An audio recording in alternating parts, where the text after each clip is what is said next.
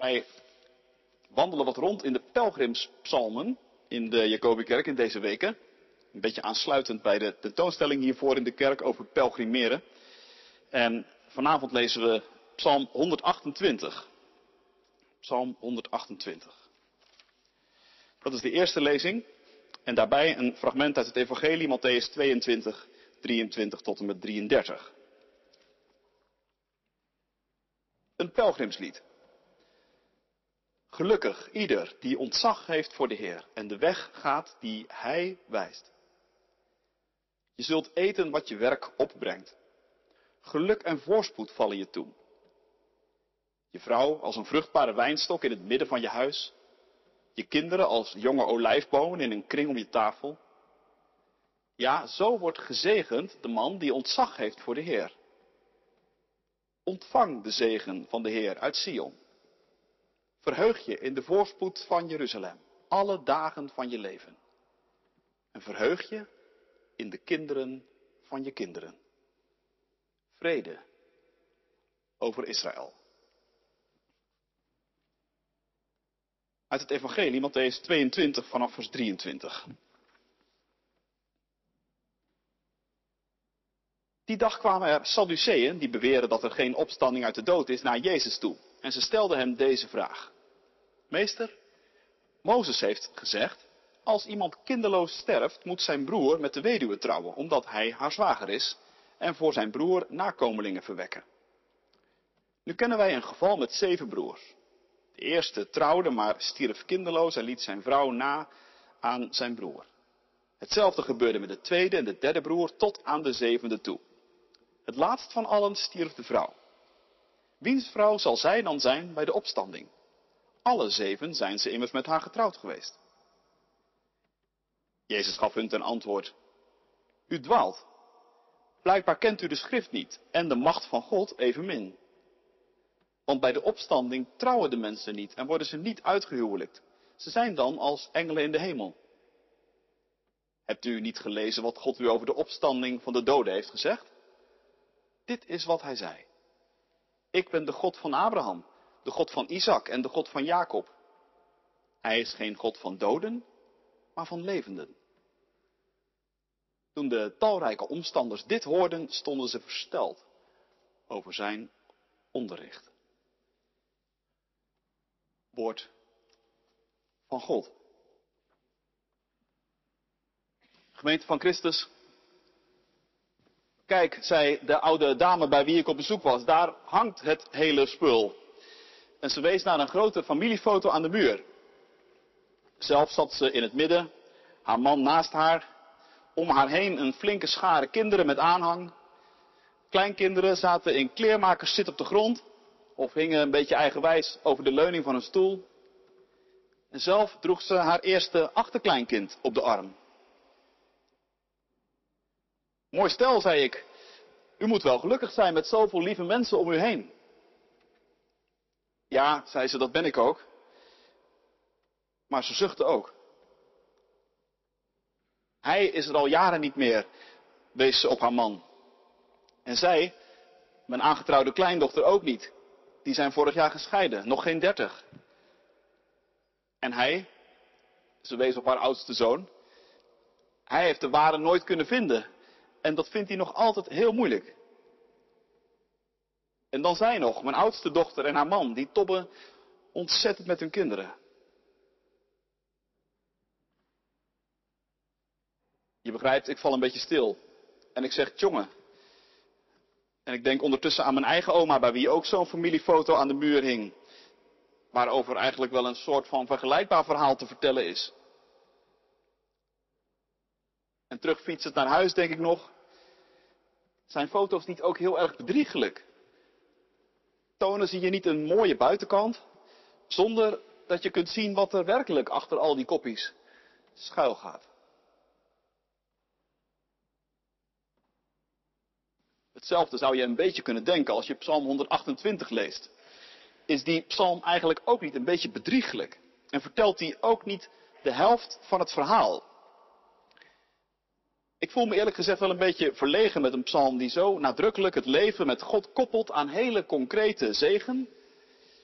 In dit geval zegen met een gezin, met man, vrouw, kinderen, huisje, boompje, beestje, niks aan de hand. Op social media is de hashtag Threadwife tegenwoordig heel populair. Onder die vlag worden filmpjes gedeeld die het traditionele jaren 50 huwelijk verheerlijken. En ze worden miljoenen keren bekeken. Ik snap dat wel.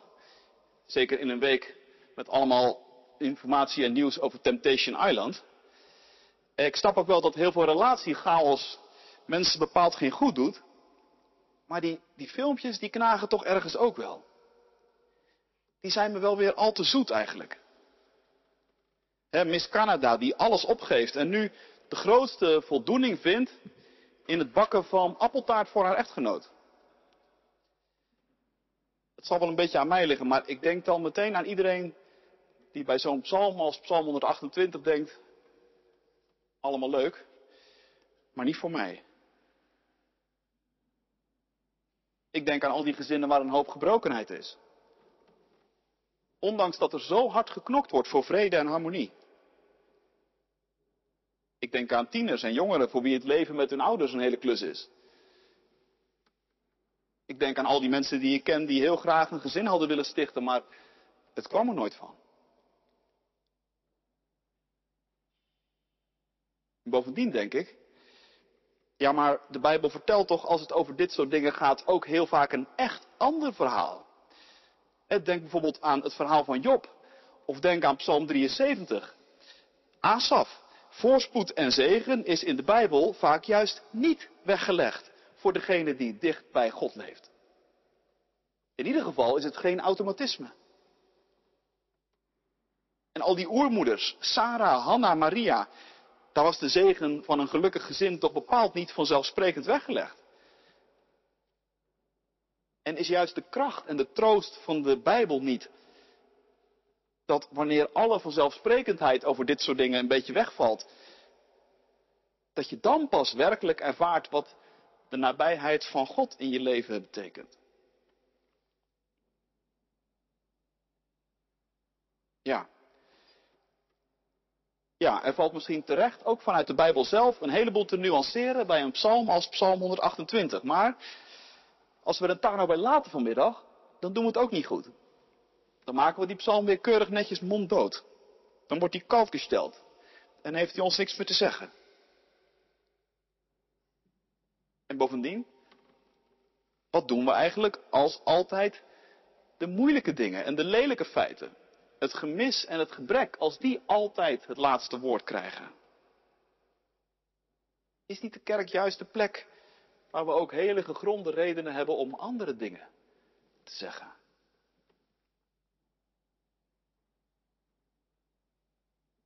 We zullen dus niet moeten blijven steken, denk ik, in het tegenspreken van deze psalm.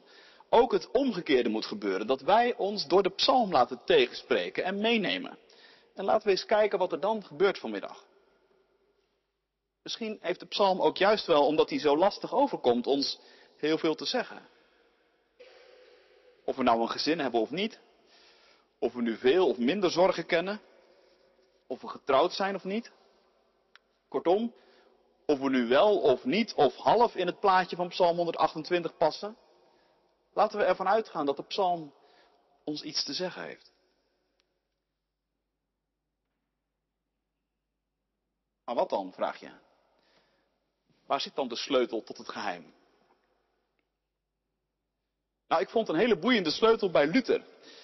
Luther is in zijn uitleg van deze psalm heel fascinerend. Hij zegt, deze psalm is eigenlijk een loflied op het huwelijk, zoals God dat bedoeld heeft. Die laatste woorden zijn belangrijk. Zoals God dat bedoeld heeft. En zegt hierbij, de Heilige Geest noemt hier alleen wat ons aantrekt in het gezinsleven en wat ons beweegt om het huwelijk lief te hebben en op waarde te schatten. Ik vind dat een hele fascinerende insteek, want je merkt meteen dat Luther heel goed weet dat er over het huwelijk en over relaties en over gezinsleven ook hele andere dingen te zeggen zouden zijn. Maar, lijkt hij te willen zeggen, daarover moet het dan maar even een andere keer gaan. Vandaag lezen we deze psalm En we lezen hem als een visioen. Die benadering, die helpt mij. Hij is diep en wijd en tegelijkertijd ook heel nuchter en praktisch. Dit is, zegt Luther, wat ons beweegt om het huwelijk lief te hebben en op waarde te schatten. Ja, denk je dan, zo is het toch eigenlijk ook wel. ondanks alles blijven mensen relaties aangaan. En blijven ze trouwen en blijven ze gezinnen stichten. Luther heeft gelijk, er is blijkbaar iets wat ons beweegt om het huwelijk lief te hebben en op waarde te schatten. Dus zo beschouwd is Psalm 128 niet een beetje losgezongen van het echte leven. Nee, Psalm 128 verkondigt ons een, een realiteit die nog veel echter is. De werkelijkheid zoals die eruit ziet vanuit God. Ik zei net, Luther wil ons deze psalm laten lezen als een visioen. En visioenen, daar moeten wij zeker in onze tijd heel zuinig op zijn. Die moeten we koesteren, want als er geen visioen meer is, en er zijn er nog maar weinig, dan trekt het cynisme altijd aan het langste eind. En daarom mogen we in de kerk een psalm als deze ook koesteren. Als een soort tegengif. Tegen alle wantrouwen en alle sepsis die er in onze wereld hangt rondom alles wat met stabiele relaties, met huwelijk en met gezin te maken heeft.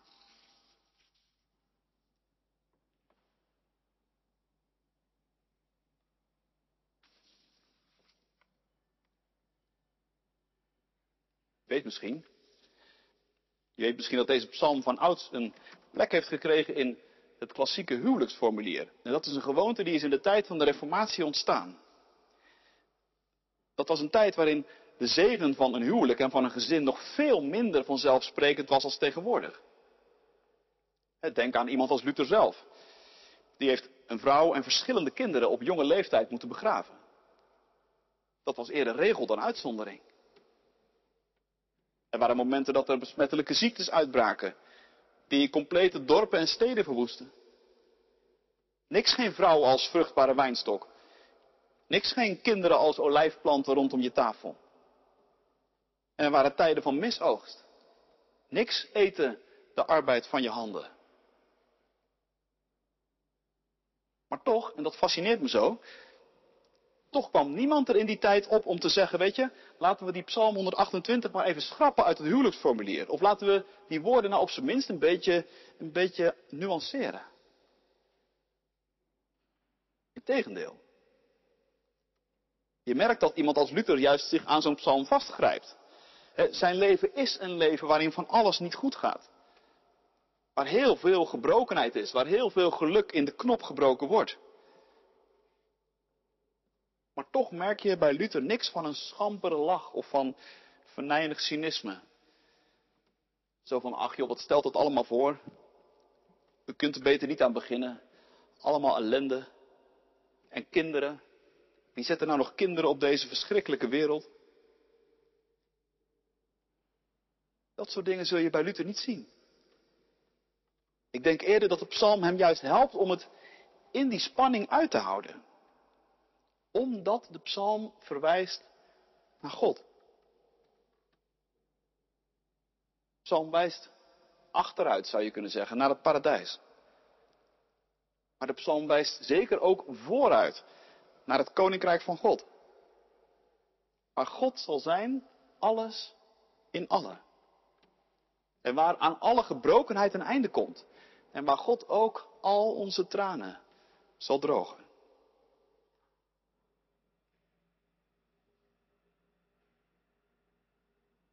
Dat brengt ons bij een volgend punt. Want inderdaad, deze psalm verwijst ons naar God. Opnieuw Luther. Luther zegt er ook nog dit van. Hij zegt zo over het huwelijk en over het gezin spreken en dan ook blijven spreken. Ook in tijden waarin het stormt. Zo spreken kan alleen een christen, zegt hij. Het kan alleen als je omgang met God hebt en ontzag hebt voor de Heer, zoals de psalm het zegt. Oudere vertalingen, Die hebben het niet over ontzag voor de Heer, maar die hebben het over de Heer vrezen. vers 1, welgelukzalig is in ieder die de Heer vreest. En vers 4, zo zal het zijn met de man die, de mens die de Heer vreest. Je ziet, dat loopt een, als een rode draad zo door het lied heen. Het begin en het einde. Als een soort accolade. Daarom moeten we er toch even wat langer bij stilstaan, bij dat God vrezen. Want wat is dat dan precies?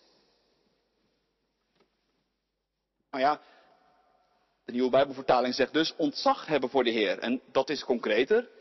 En het klopt ook, maar het is ook wat beperkter en smaller. Want God vrezen, dat is meer dan alleen maar ontzag voor Hem hebben. Het is in ieder geval niet angst. Leven met God, God vrezen, is niet hetzelfde als leven met een onberekenbare vader. Nee, God vrezen is in de Bijbel echt iets anders. Het betekent ontzag, inderdaad, ontzag om wie Hij is, vanwege Zijn macht en majesteit. Vanwege het besef dat God voor ons niet te vatten is. Maar God vrezen is zeker ook onder de indruk raken om wat Hij doet en gedaan heeft. En daar komt in de derde plaats nog dit bij, dat God vrezen betekent dat je God dan ook daarom gehoorzaam bent. Dat je je leven meer en meer op Christus gaat richten. En meer en meer op Hem wilt gaan lijken. Nou, zo'n leven wordt dus in deze Psalm 128 gelukkig genoemd. Of met dat oude woord uit de Statenvertaling, wel gelukzalig.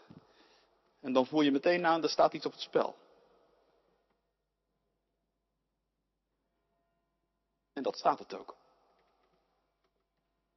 Want leven met God, dat leert je om anders te kijken naar je huwelijk, als je dat hebt. Of naar je gezin, als je dat hebt.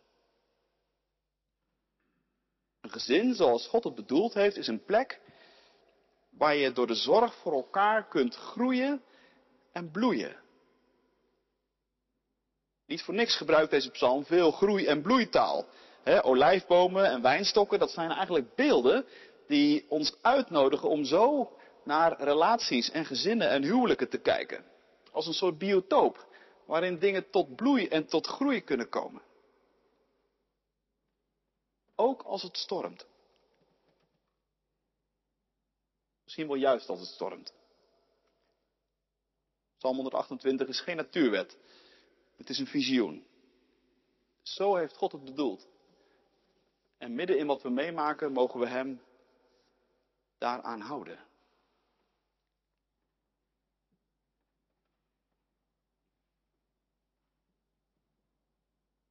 Maar nu nog één ding.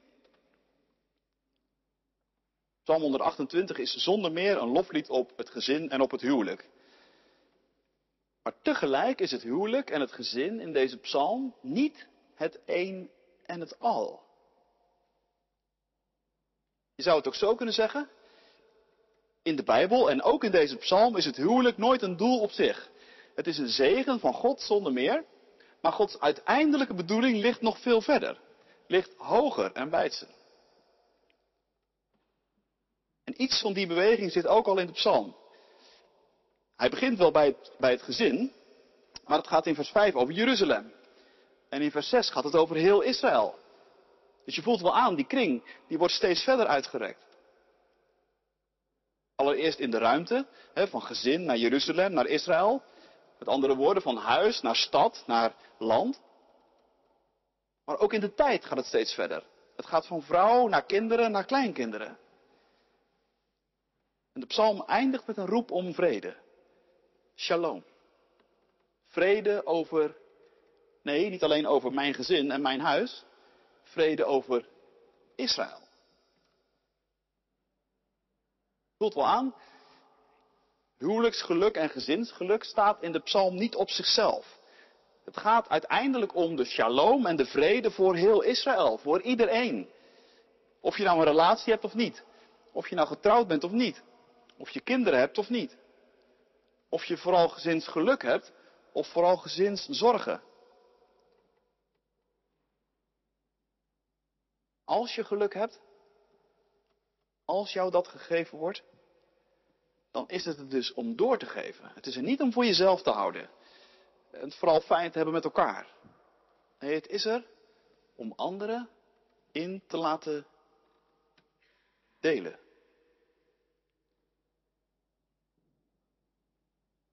En als ik het goed zie, wordt die lijn eigenlijk in het Nieuwe Testament zo steeds verder doorgetrokken.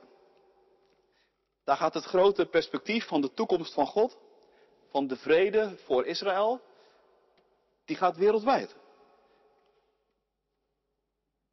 En je merkt dan ook dat Jezus over het huwelijk heel radicaal is. Hij zegt in Matthäus 22 heel bot dat het huwelijk een tijdelijk instituut is. En als het koninkrijk van God in zijn volle glorie doorgebroken is, als die shalom voor Israël de wereldvrede geworden is, ja dan, dan wordt er niet meer getrouwd. Dat is een eigenaardige spanning die je in het Nieuwe Testament voortdurend tegenkomt. Paulus kan aan de ene kant in de Efezebrief zeggen dat het huwelijk een echo is van de liefde tussen Christus en zijn gemeente. En in de Korinthebrief kan hij zeggen dat het in sommige gevallen veel beter is om niet te trouwen. Dat lijkt tegenstrijdig. Maar ik denk toch dat het niet tegenstrijdig is. Het is precies die wonderlijke dubbelheid die in de hele Bijbel zit.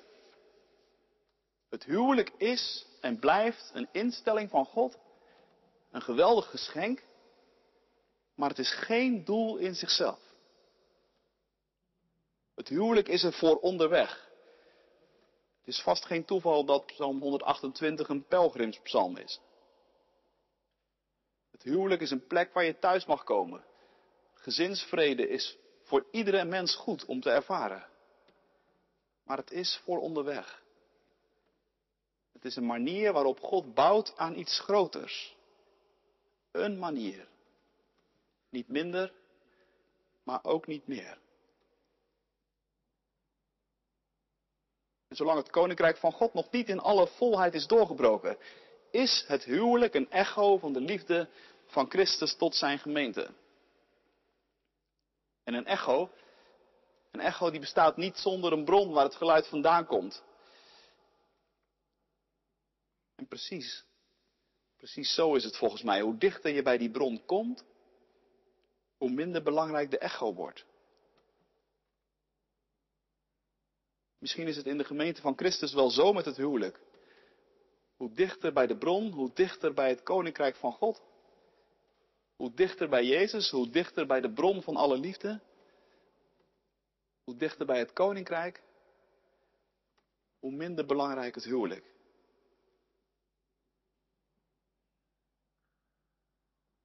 En daarom is single zijn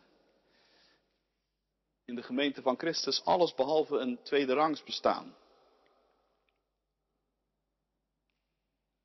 Ik weet natuurlijk ook wel dat dat door singles onder jullie soms wel heel anders wordt ervaren. Ik hoop dan ook dat je een beetje proeft dat ik er niet op een makkelijke manier over wil spreken.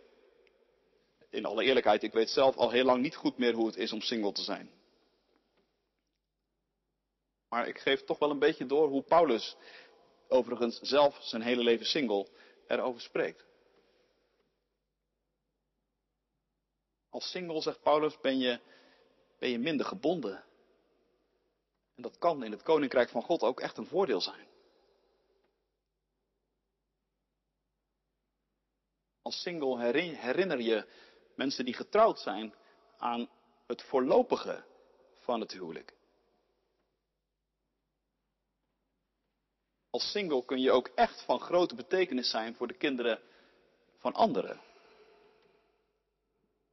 En single zijn wijst vooruit naar Gods toekomst, waar niet meer getrouwd wordt, omdat we dan de liefde in eigen persoon zullen kennen. Over visioenen gesproken.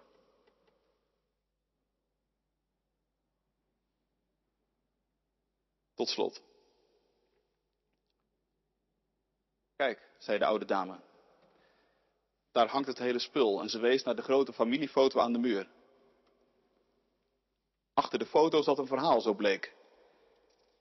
Een verhaal dat de foto op het eerste gezicht niet zo vertelde. Maar is de foto daarmee bedriegelijk? Wat is er nou eigenlijk echter? Is dat de foto of het verhaal achter de foto?